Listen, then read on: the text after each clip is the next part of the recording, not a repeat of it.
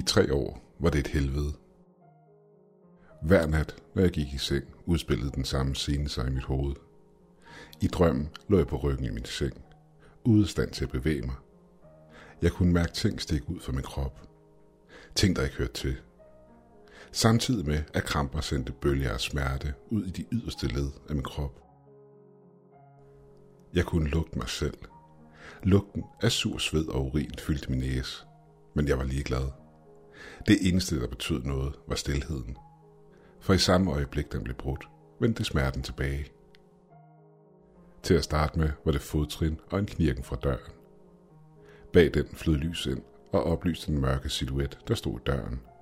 Jeg knep øjnene sammen for at skærme af for det stærke lys. Men jeg kunne ikke skærme mig selv af for, hvad der skete derefter. Jeg vil spare mig selv for smerten og undlade at beskrive, hvad der skete efterfølgende. I tre år gik jeg til forskellige søvnspecialister, psykiater og hvad jeg ellers kunne finde. Jeg prøvede meditation, yoga og sågar lykkepiller. Men intet hjalp, og ingen kunne forklare mig, hvad drømmene udsprang af. Men en dag, en dag stoppede de helt. Jeg havde håbet på, at det var enden på mine prøvelser, men det var det ikke. Det udviklede sig blot og startede op igen, præcis et år efter, at drømmene var stoppet. En mand flyttede ind i huset ved siden af. Det havde stået tomt siden den sidste lejer var død af en heroinoverdosis seks måneder tidligere. Jeg har gennemgået tingene 100 gange i mit hoved, efter det alt sammen skete.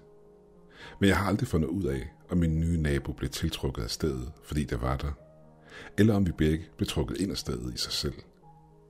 Jeg er senere kommet til den konklusion, at der findes steder i verden, hvor ulykke og smerte bliver tiltrukket til – Steder, der har en mørk fortid, som bringer de grimme sider frem i mennesket og trækker de rådne sjæle imod sig. Men hvad end grunden var, så var vi der begge to. Jeg er sikker på, at det ikke bare var en tilfældighed. Første gang jeg mødte min nye nabo, kunne jeg fornemme, at der var noget galt med ham. Men jeg kunne ikke sætte en finger på, hvad det var. Der var noget ved ham. Måden han smilede på, der fik min mave til at vende sig. Men som alle andre har jeg lært at ignorere mine instinkter til fordel for venlighed. Og da han spurgte, om jeg ville have en kop kaffe, fandt jeg mig selv sige ja tak, for ikke at fornærme ham.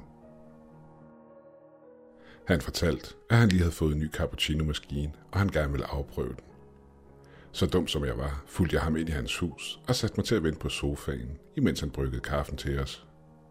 Jeg svor for mig selv, at jeg ville drikke kaffen så hurtigt jeg kunne, så jeg igen kunne komme tilbage til mit eget hus – han kom ind med kaffen og satte den foran mig. Jeg tog det første sip, imens han så på mig. Den er god, sagde jeg. Han sagde ingenting. Han nikkede blot og smilede, imens han tog en tår sin kaffe.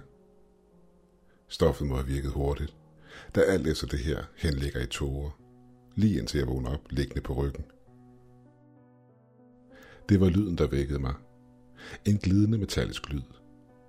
Det gik hurtigt op for mig, at jeg lå på en seng, og mine håndled og ankler var bundet. Mit hoved svømmede rundt, og svimmelheden gjorde det svært at fokusere, og mine muskler var som gummi. Jeg samlede de sidste kræfter, jeg havde i min krop, og løftede hovedet et par centimeter op, for at se, hvor lyden kom fra.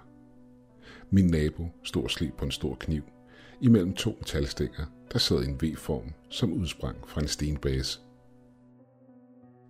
han må have hørt ting knage, for han vendte sig om.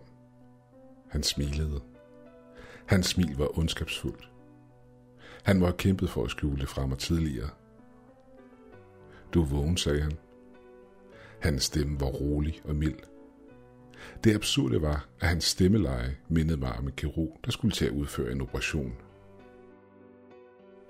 Han tog kniven fra slibestenen og begyndte at gå hen mod mig. I det han gik imod mig, skød en bølge af billeder, lugte og minder igennem mit sind. Det fik mig til at indse sandheden. Jeg havde været i den her situation før, og jeg døde. Jeg kæmpede desperat med rebene omkring mine hænder og fødder. Men det føltes som om mine lemmer vejede flere tusind kilo. Han satte tempoet ned i det, han nærmede sig. Hans smil blev bredere, og fra hans øjne lyste sindssygen. Han førte kniven ned mod mig, og jeg mærkede den penetrere min mave. Hele mit nervesystem skreg, i det bølger af smerte skød igennem kroppen på mig. Verden omkring mig fadede ud, og jeg blev opslugt af mørket, i det jeg døde. Jeg vågnede med et spjæt i min seng, badet i sved, i det jeg hæv efter vejret. Jeg lukkede øjnene for at berolige mig selv og få styr på min vejrtrækning. Et par minutter efter var jeg stadig rystet, men rolig.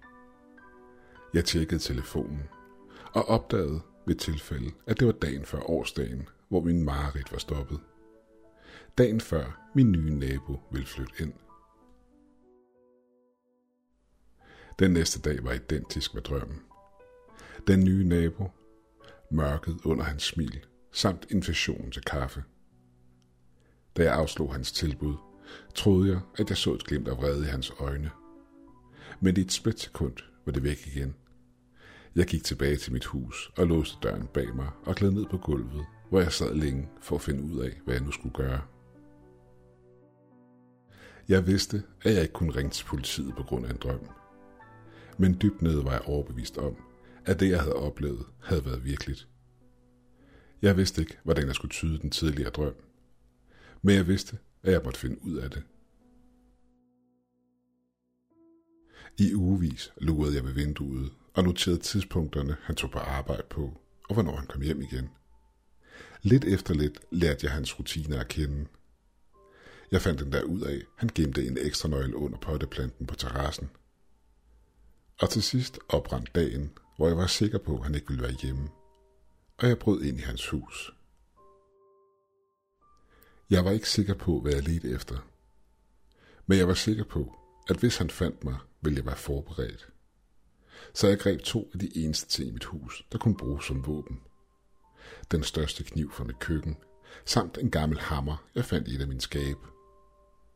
Med kniven og hammeren i hånden gik jeg rundt i hans hus, imens jeg ledte efter noget, mit instinkt fortalte mig ville være der, og at jeg ville vide, hvad det var, så snart jeg så det. Jeg fandt, hvad jeg ledte efter i soveværelseskabet. Skabsdøren var den eneste låge i huset, der var sikret med en hængelås. Min hammer kunne ikke tvinge låsen op, men den havde ikke noget problem med det lille metalhængsel, som låsen sad fast i på skabet. I bunden af skabet, under det ophængte tøj, var en læderindbunden kiste, låst med endnu en hængelås. Låsen her tog lidt længere tid at få op, og da det endelig lykkedes, var jeg smadret i armen, og min pande var badet i sved. Langsomt løftede jeg låget af kisten. Hængslerne knagede, og min næse blev mødt af lugten af gammel støv. I bunden af kisten lå en læderindbunden bog. Af en eller anden grund begyndte min hænder at ryste, i det jeg rakte ud efter den. Jeg åbnede langsomt bogen på dens første side og gav et højlydt gisp fra mig. Bogen var fyldt med billeder af døde og døende, i en hver tænkelig form for tortur. Mange af dem i en tilstand, jeg i min vildeste fantasi ikke har kunnet forestille mig. Brækfornemmelsen steg langsomt op i halsen på mig. Jeg bladrede hurtigt igennem siderne med en stigende frygt for, hvad jeg ville finde på de sidste sider, imens jeg knudede så hårdt om bogen, at min knor blev hvide.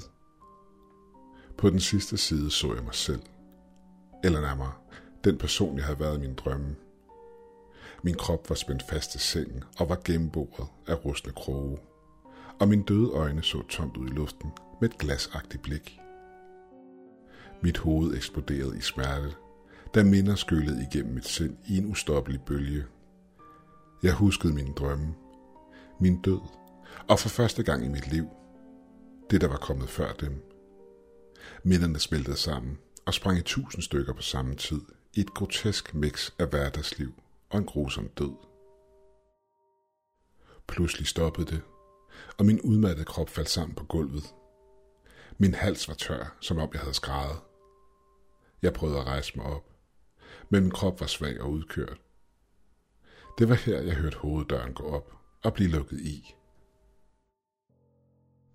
Hvem det er, kunne jeg høre min nabos stemme kalde. Jeg sagde ingenting. Jeg greb om kniven, så godt som min svækkede krop tillod det. Hans skridt blev højere og højere, i det han kom nærmere. Han trådte ind i soveværelset og stod med åben mund i chok. Hans øjne så på kniven i min hånd, og han begyndte langsomt at træde tilbage. Jeg kunne mærke, der skete noget inde i mig i samme øjeblik. Jeg blev vred. Her var manden, der havde tortureret mig til døde, og som nu trak sig tilbage, kun fordi jeg havde midlerne til at forsvare mig selv. Mit hjerte hamrede, og en høj hyletone fyldte mit øre. Med en stor viljekraft fik jeg mig selv på benene og begyndte at gå imod ham. Han bakkede længere og længere tilbage for hvert skridt, jeg tog imod ham. Jeg kunne mærke min vrede vokse, og med den min styrke. Jeg følte mig stærkere, end jeg nogensinde havde følt mig før. Som om en eller anden kraft flød igennem mig og fyldte mig med en fokuseret vrede. Jeg følte mig ikke som én person. Jeg følte mig som en gruppe vrede mennesker, der alle råbte på blod. Min nabo vendte sig om og løb. Men han nåede ikke engang til hoveddøren. Jeg har ikke talt på, hvor mange gange jeg stak ham.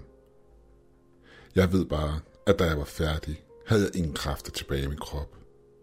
Så jeg kollapsede og sank ind i bevidstløshedens mørke. Jeg var på hospitalet i over en uge. Jeg var teknisk set ikke i et koma, men lige meget hvad lægerne prøvede, kunne de ikke få mig til at vågne. På den syvende dag åbnede jeg spontant øjnene. Politiet havde en masse spørgsmål til mig, men heldigvis afviste retten at køre en sag på mig, da jeg trods alt havde været med til at opklare et dusin uopklarede morsager. Jeg kan stadig ikke forklare, hvad det var, der skete. Jeg tror, drømmen var en slags advarsel. Måske var jeg i virkeligheden den person i et tidligere liv. Eller måske brugte de døde mig bare til at få hævn. Jeg tror, det var lidt af det hele. Ser du, inden jeg forlod hospitalet, fortalte den lidende efterforsker mig et mærkeligt tilfælde, han var stødt på. Under obduktionen havde de talt 37 stiksår på min nabos krop. Og samtidig havde der været 37 ofre i hans fotoalbum.